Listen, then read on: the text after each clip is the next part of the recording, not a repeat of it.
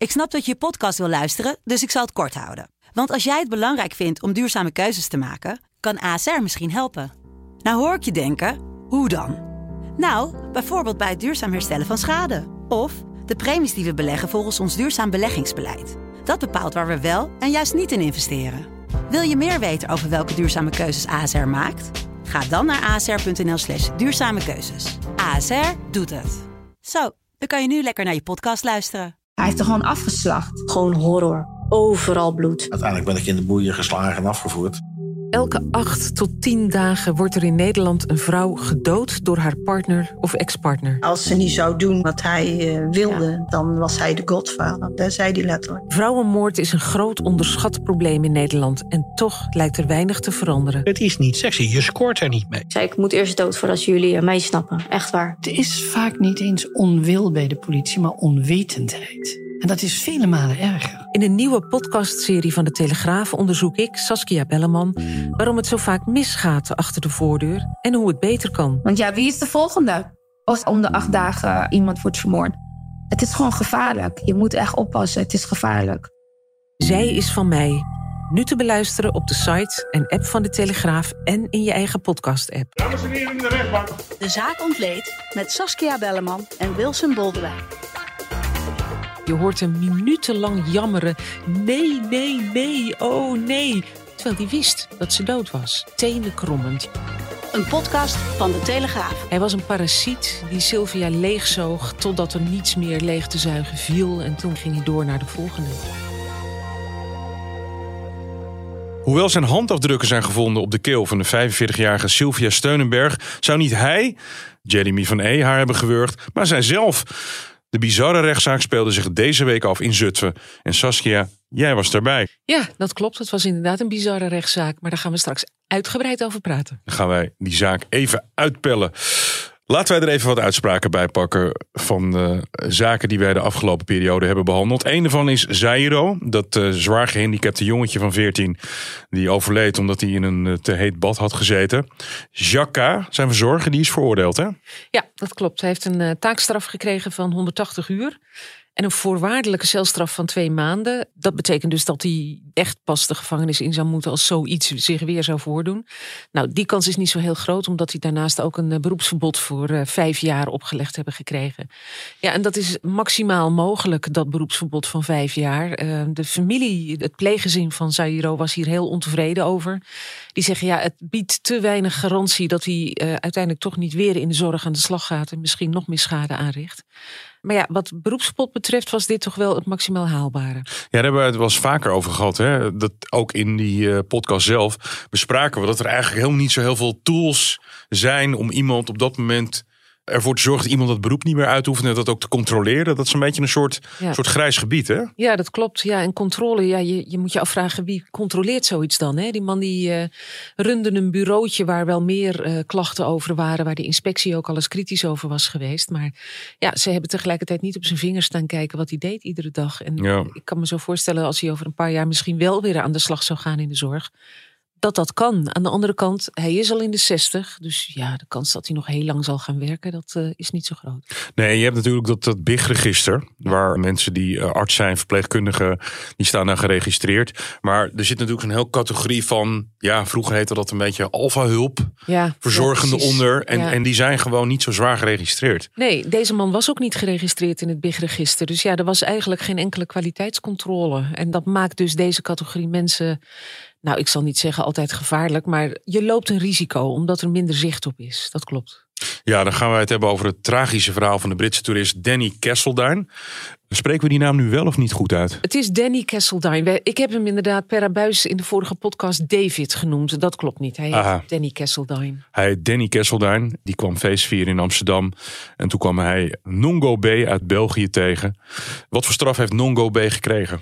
Nongo B is veroordeeld tot 14 jaar voor doodslag. Uh, ja, ook hier zijn de nabestaanden ontevreden over het vonnis. Omdat zij zeggen, um, het is moord. Nou is denk ik voor heel veel mensen het onderscheid tussen moord en doodslag best wel lastig te maken. Het Openbaar Ministerie en ook de rechtbank zeggen van ja, wij kunnen gewoon niet aantonen dat hij het vooropgezette plan had om Danny Kesseldine te vermoorden, te doden. Het is waarschijnlijk in een opwelling gebeurd. Ja, wat nou het motief is geweest, dat is niet duidelijk geworden. Maar moord, dus een vooropgezet plan om hem om het leven te brengen, is niet aangetoond. Nee. Even goed, pittige straf voor 14 jaar. Ja, waar we het natuurlijk over hadden, is dat uh, hij zegt dat hij bepaalde medicijnen in een bepaalde combinatie Ja. heeft gebruikt. Ja, Hè? ja alleen Waaronder dat waren beruchte uh, oxycodon. Ja, bromazepam en er was nog iets. Maar dat zijn vooral middelen die hij gebruikte die juist niet een agressie-opwekkend effect hebben. Je wordt er juist een beetje suf van. Eigenlijk wel. Het is een beetje vreemd. Het is gewoon niet helemaal duidelijk wat zich daar heeft afgespeeld. Maar ja, feit is, Danny Kesseldine is overleden. En feit is ook dat Nongo B daar verantwoordelijk voor is. Verdachte wordt verweten uh, om omstreeks 22 maart 2023 in Apeldoorn met voorbedachte raad Sylvia van het leven te hebben beroofd door haar te verwurgen. Laten wij bij het begin beginnen. 23 maart 2023 wordt het levenloze lichaam van Sylvia Steunenberg aangetroffen in Apeldoorn. Dat is natuurlijk een heel bosrijk uh, gebied. Ja. Hoe werd zij nou gevonden? Ja, ze lag in de berm van de weg. Uh, dat was een weg die vlakbij het Paleispark van het Loo in Apeldoorn uh, loopt. Werd daar aangetroffen met alleen sokken aan haar voeten, geen schoenen. Boven kleding opgestroopt. En ja, ze, ze lag daar al even. Ze was nat geregend, bemodderd. En uh, het leek even een raadsel uh, hoe ze daar terechtgekomen was. En ook wist de politie niet wie zij was. Maar had ze verder wel onderkleding aan? Ja, dat had ze wel aan. Ja, precies. Ja. Op dat moment was zij al zo'n 48 uur dood. Hè? Hebben ze achteraf kunnen onderzoeken. Het, het was geen prettig plaatje. Hè? Nee, en het, omdat het een raadsel was wie deze vrouw was. Ze had niks bij zich. Geen ID-bewijs, geen portemonnee, echt helemaal niks is de politie ertoe overgegaan om een foto van haar gezicht te publiceren. Ja, en op basis van die foto werd zij herkend. Nou ja, moet je voorstellen hoe dat erin hakt. Hè? Ze wisten op dat moment niet eens dat Sylvia vermist was. Behalve dan dat haar ex-vriend uh, wat appjes had gestuurd van... goh, krijg geen contact met haar, weten jullie waar ze zit? was geen enkele reden om aan te nemen dat er iets aan de hand was. En ja, out of the blue werden zij geconfronteerd met uh, de foto van de overleden Sylvia. In eerste instantie was de 52-jarige Jeremy van E. getuige. Wat maakte nou dat hij op een gegeven moment verdachte werd? Ja, hij was aanvankelijk uh, is hij gehoord als getuige. En uh, ja, er was op dat moment nog even geen reden om aan te nemen dat hij iets met haar dood te maken had. Hij suggereerde ook dat zij wel eens uh, depressief was, dat ze vaker ging wandelen op haar sokken. En ook dat. Uh, wandelen dat ze, op haar sokken. Wandelen op haar sokken. En ook best lange afstanden, zei hij. En wat hij ook zei, was dat ze het fijn vond als je haar langs haar hals streek. Nou, dat waren twee elementen waardoor de politie op hem aansloeg. Omdat Sylvia is gevonden met alleen sokken aan haar voeten, niet met schoenen. Maar dat kon hij niet weten. Tenzij hij er iets mee te maken had. Dus ja, dat uh, deed de politie toch denken van hier is meer aan de hand. En ja, het lijkt er toch op dat uh, Jeremy van E. heeft geprobeerd om een soort dwaalsporen uit te leggen door appjes te versturen naar Sylvia zelf. Van, hé hey schatje, alles goed met je, ja. laat even wat van je horen. Wil je soms even uitrusten? Ik kom morgenochtend bij je langs. En appjes naar haar familie om te vragen van... goh, ik krijg geen contact met Sylvia, weten jullie misschien waar ze is? Dus hij deed het voorkomen alsof hij geen idee had. Wat was hun status op dat moment? Nou, eigenlijk uh, is dat niet helemaal duidelijk geworden. Zij hadden al twaalf jaar een relatie, maar dat ging met ups en downs. En uh, aan haar familie had Sylvia verteld dat ze een knoop had doorgehakt en dat ze een punt achter de relatie had gezet. Tegelijkertijd was Jeremy van E nog wel bij haar in huis. Kennelijk omdat hij geen eigen dak boven het hoofd had. En ja, daar vond hij uh, een warme kamer, een mogelijkheid om te douchen en te eten. En blijkbaar heeft Sylvia dat ook toegestaan. Hij werkte wat in haar tuin, deed wat klussen. Ik denk dat ze hem niet gewoon rukzichtloos op straat heeft willen zetten misschien. Maar het was wel einde verhaal wat die relatie betreft. En ja, wat op een gegeven moment tijdens het onderzoek opdook... was een heel curieus appje van Sylvia aan Jeremy van E. Verstuurd eigenlijk een paar uur voordat ze is overleden. En dat uh, luidde als volgt. Ik kan het niet meer helemaal letterlijk reproduceren. Maar zij schreef dat ze het een ontzettende afknapper vond dat hij haar slipjes stal. En ze schreef ook dat hij op zoek moest gaan naar een, een nieuwe vriendin. Die die kon ruiken en voelen. En van wie die de slipjes dan misschien wel mocht gebruiken. Maar dat hij met zijn handen van haar ondergoed moest afblijven. Ja, dat is natuurlijk wel een heel raar boodschapje. Is de authenticiteit daarvan vast komen te staan? Ja, het, het staat wel vast dat Sylvia dat heeft verstuurd aan hem. Alleen ik geloof dat dat appje niet meer op zijn telefoon stond. Maar ja, wel bij haar teruggevonden. Dus dat, dat hebben ze weten te reconstrueren. Ja, en daar had hij een vreemd verhaal over. Hij was een slipjesdief. Kennelijk, ja. Maar hij zei ook van ja, maar het was helemaal niet haar slipje. Ze heeft kennelijk door mijn spullen gezocht. Heeft een slipje aangetroffen, maar dat was niet van haar. Dat was van een andere vriendin. Dan denk je ja, ik denk dat de meeste vrouwen hun eigen slipje wel herkennen hoor. Ja, hoe is die relatie ooit ontstaan? Is dat duidelijk geworden in de rechtbank? Ik meen dat het was via, ik weet even niet of het nou Tinder was, want bestond Tinder twaalf jaar geleden al, vraag ik me af. Ehm, Ik denk dat het wel al vrij oud is al. ja, ik weet het niet met zekerheid meer, maar in ieder geval, ze hebben elkaar leren kennen, kregen een relatie met elkaar en die heeft toch wel twaalf jaar geduurd. Ja, het was een relatie waar de familie van Sylvia nooit heel blij mee was. Zij mochten hem niet, ze vertrouwden hem niet. Maar zeiden ze in de rechtszaal van ja, wij hebben ons best gedaan voor Sylvia om toch op een normale manier met hem om te gaan. Dus hij was welkom in ons huis. Hij heeft kerst met ons gevierd, verjaardagen met ons gevierd. En eh, blij waren ze er niet mee. Maar goed, het was wel de levenspartner van hun dochter. Dus ja, wat doe je? Ik heb het even opgezocht. Tinder is in 2012 op de markt eh, eh, gekomen. Dus het zou net kunnen. Het zou net kunnen. Ehm, wat voor type vrouw was Sylvia? Ja, Sylvia was eigenlijk een hele intelligente, onafhankelijke vrouw die eh, een goede baan had bij ING. Ze was hy- hypotheekadviseur, stond hoog aangeschreven bij haar collega's. Die waren allemaal even lovend over haar. Verdiende haar eigen inkomen, had een, eh, een eigen huis. Eerst woonde ze in Vinkenveen. En daarna is ze terug verhuisd naar het eh, gebied waar ook haar ouders woonden in de buurt van Apeldoorn. Het was niet Apeldoorn zelf even daarbuiten. Nee, het was niet Apeldoorn zelf. Ja. En ja, dat deed ze allemaal op eigen kracht. En ja, de familie heeft zich vanaf het begin afgevraagd.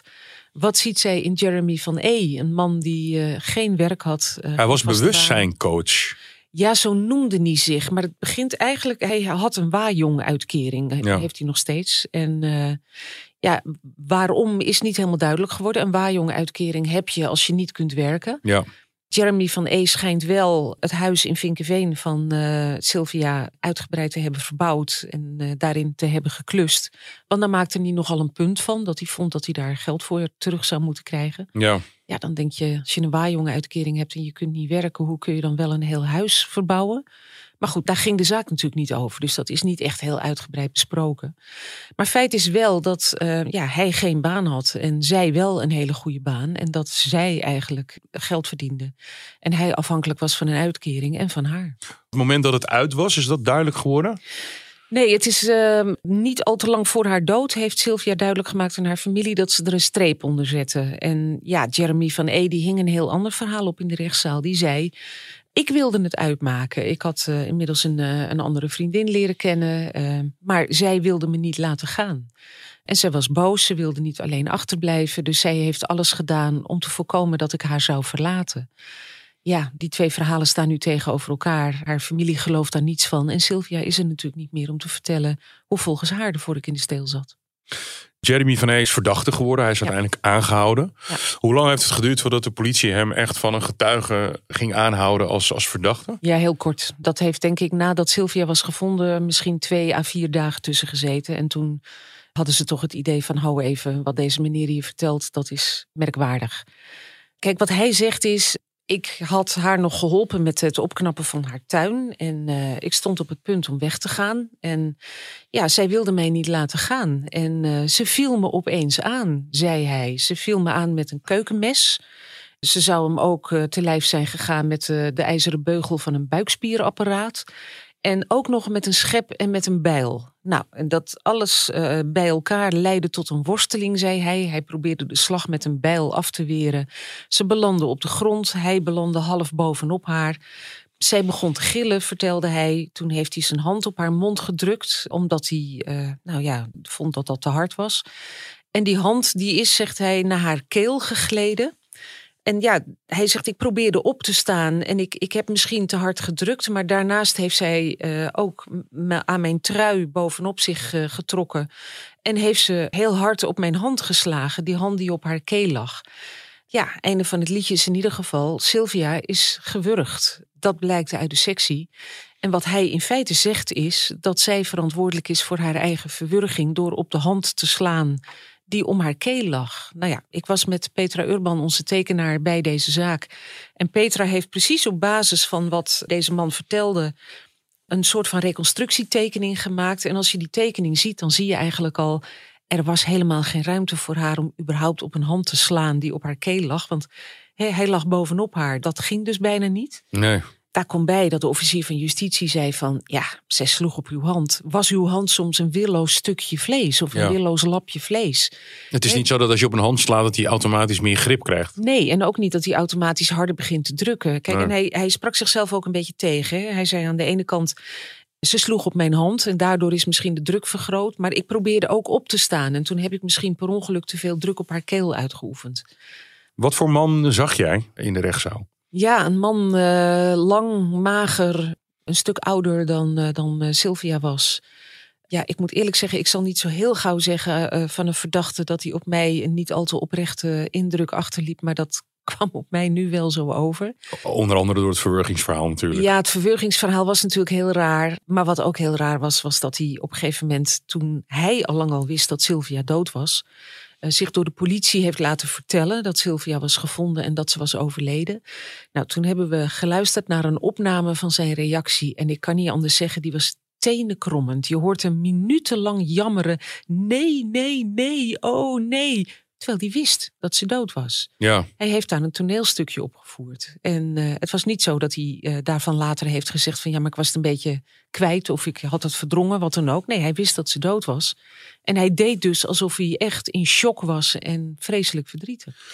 Nog even naar het moment van verwurging. Hè? Want hij ging weg. Dat is allemaal in de buurt van haar huis geweest. Ja. Toen heeft die verwurging plaatsgevonden waarvan hij beweert dat dat heeft ze zelf gedaan. Maar is het lichaam uiteindelijk dan verplaatst? Ja, hij heeft haar in, eh, in een bus getild, omdat hij zei toen ik eenmaal opstond, zag ik dat ze slik- en stikbewegingen maakte. Ik dacht dat is foute boel, ze moet naar het ziekenhuis. Dus hij heeft haar, zegt hij, in, eh, in zijn bus getild achterin. En is gaan rijden naar het ziekenhuis. Ja, je zou zeggen bel 112, dat gaat misschien sneller. Dat deed hij niet. Hij heeft haar in de bus gezet. Vertelt dat hij vervolgens eh, op een eh, verkeersopstopping stuitte. Dat hij toen uit zijn auto is gestapt. Heeft gekeken hoe Sylvia eraan toe was. En zei hij, ja, toen bleek ze dood te zijn. Ze bleek al te zijn overleden. Heeft ook nog steeds geen hulpdiensten ingeschakeld. Heeft ook niet geprobeerd om haar te reanimeren. Is ook niet doorgereden naar het ziekenhuis. Hij is eh, vervolgens gereden naar een loods die hij elders huurde is daar het terrein opgereden en eh, ja, heeft een hele tijd niks gedaan. En Sylvia lag dus al die tijd eh, in de bus. En uiteindelijk is hij eh, richting het Paleispark gereden. Hij zegt steeds in paniek. Bij het Lo. Bij het Lo. En heeft haar daar in de berm neergelegd. Ja, en waarom hij dat dan heeft gedaan en waarom hij dacht dat dat eh, niet op de een of andere manier uit zou komen, het is mij een raadsel. Hij heeft niet eens echt geprobeerd om haar te verstoppen in die berm. Hè. Ze lag daar gewoon. Open bloot. Ja, en ze is de volgende ochtend door een medewerker van Staatsbosbeheer daar gevonden. Een totaal, eh, ja, bijna idioot verhaal. Ja, en wat hij ook nog vertelde was, althans dat vertelde de officier van justitie, hij is met die banden natuurlijk een beetje de berm ingereden, de banden van dat busje. Dus hij heeft daar sporen achtergelaten. Hij is vervolgens teruggereden naar de loods, heeft vervolgens zijn wielen vervangen. Ja, zegt de officier, dat is voor mij een duidelijk teken dat je probeerde om Ja. te voorkomen dat die bandensporen naar jou zouden Ja, leiden. want die zijn altijd te identificeren. Hè? Precies. Hij zei nee, ik ben gewoon in mijn paniek tegen een stoeprand aangereden en de velgen waren beschadigd. En ik dacht van nou weet je wat, laat ik dat even verwisselen. En eh, dat heeft hij dus gedaan. En hij beweerde dat dat niet was om die bandensporen niet eh, traceerbaar te maken.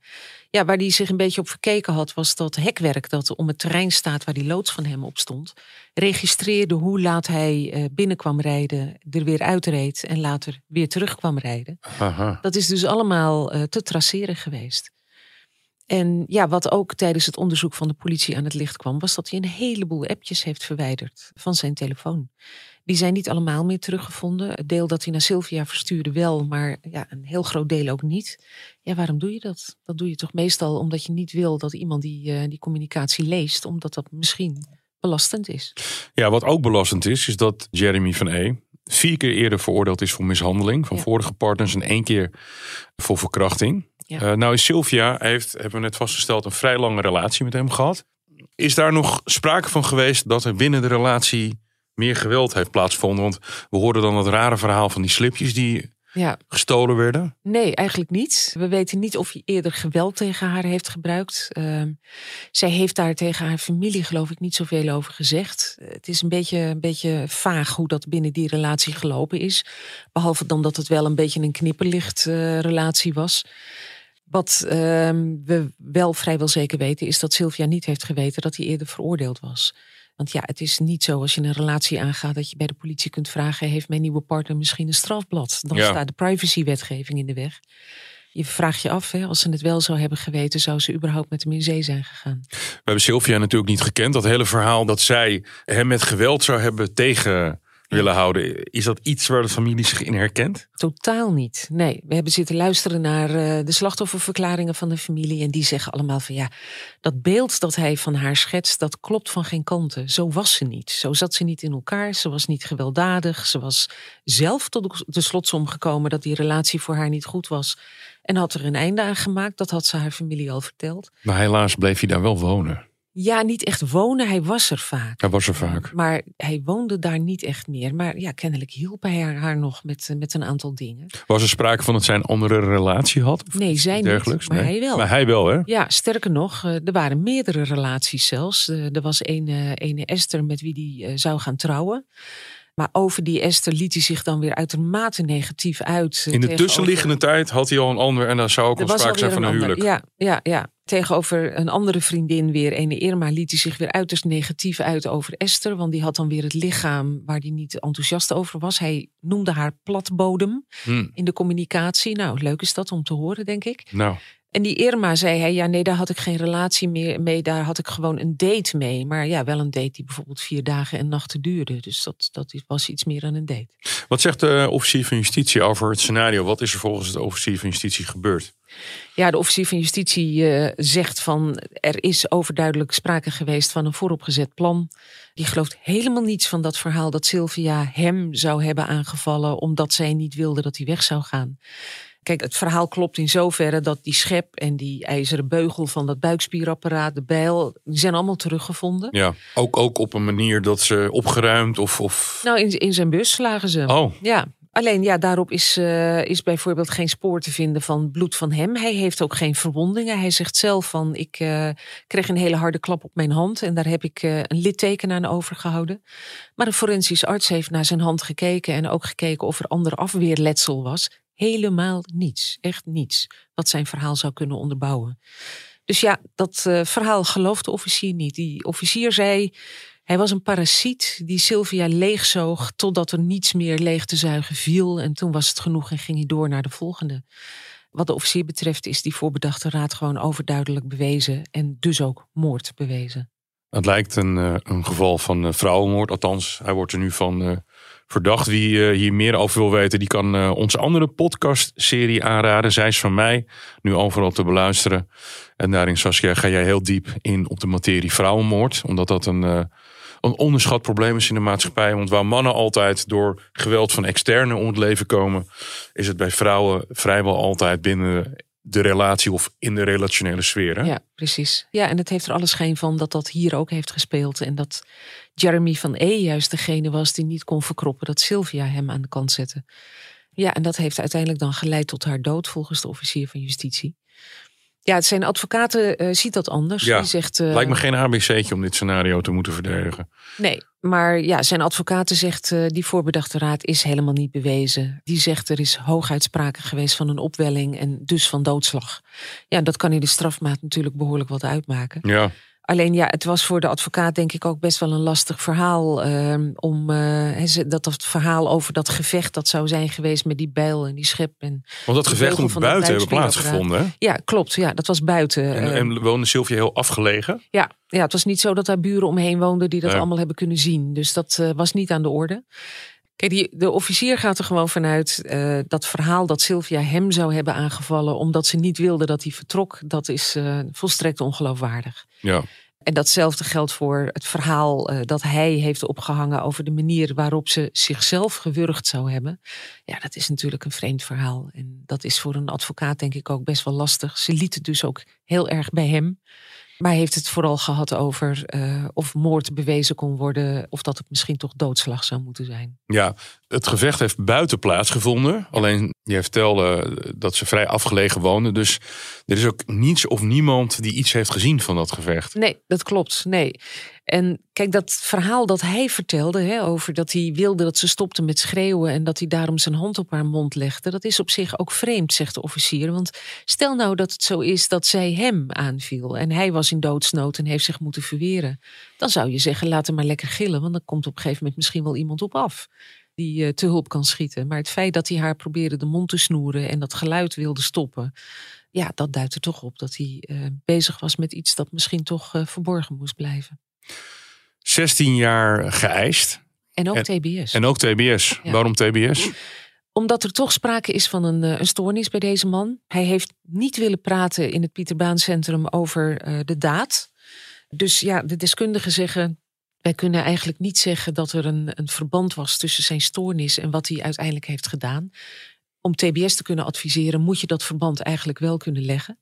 Maar de officier van justitie heeft gezegd: ja, voor mij is dat verband wel duidelijk. Dit is een, uh, een man die volgens de deskundige inderdaad een persoonlijkheidsstoornis heeft met narcistische en antisociale trekken. En ja, dat uh, heeft wel degelijk doorgewerkt in zijn daad. Dus wat de officier betreft, en dat is best wel ongebruikelijk, wordt er wel TBS met dwangverpleging uh, opgelegd, ook al adviseren de deskundigen dat niet. En ja, de familie wil heel graag dat hij dat opgelegd krijgt, omdat zij zeggen van ja, deze man is gewoon een gevaar, ook voor andere vrouwen, en die moet behandeld worden. Ja, en het hete hangijzer is natuurlijk dat moord en doodslag, omdat er geen getuigen zijn. Je kan niet vaststellen dat het een vooropgezet plan is geweest. Dat wordt wel een lastig verhaal.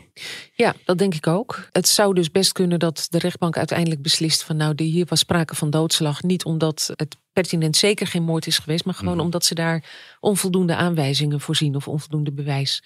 Dat zal het uh, hete hangijzer worden, denk ik. Ja, daar zal de rechter over moeten beslissen. De uitspraak is in ieder geval uh, 19 februari en dan komen wij dan een volgende uitzending van onze podcast op terug. Saskia, dankjewel. Graag gedaan. Dit was de Zaak Ontleed voor deze keer. Vindt u dit een goede podcast? Laat u dan een recensie achter, afhankelijk van het platform waarop u dit luistert. Mijn naam is Wilson Boldewijn. Tot de volgende keer.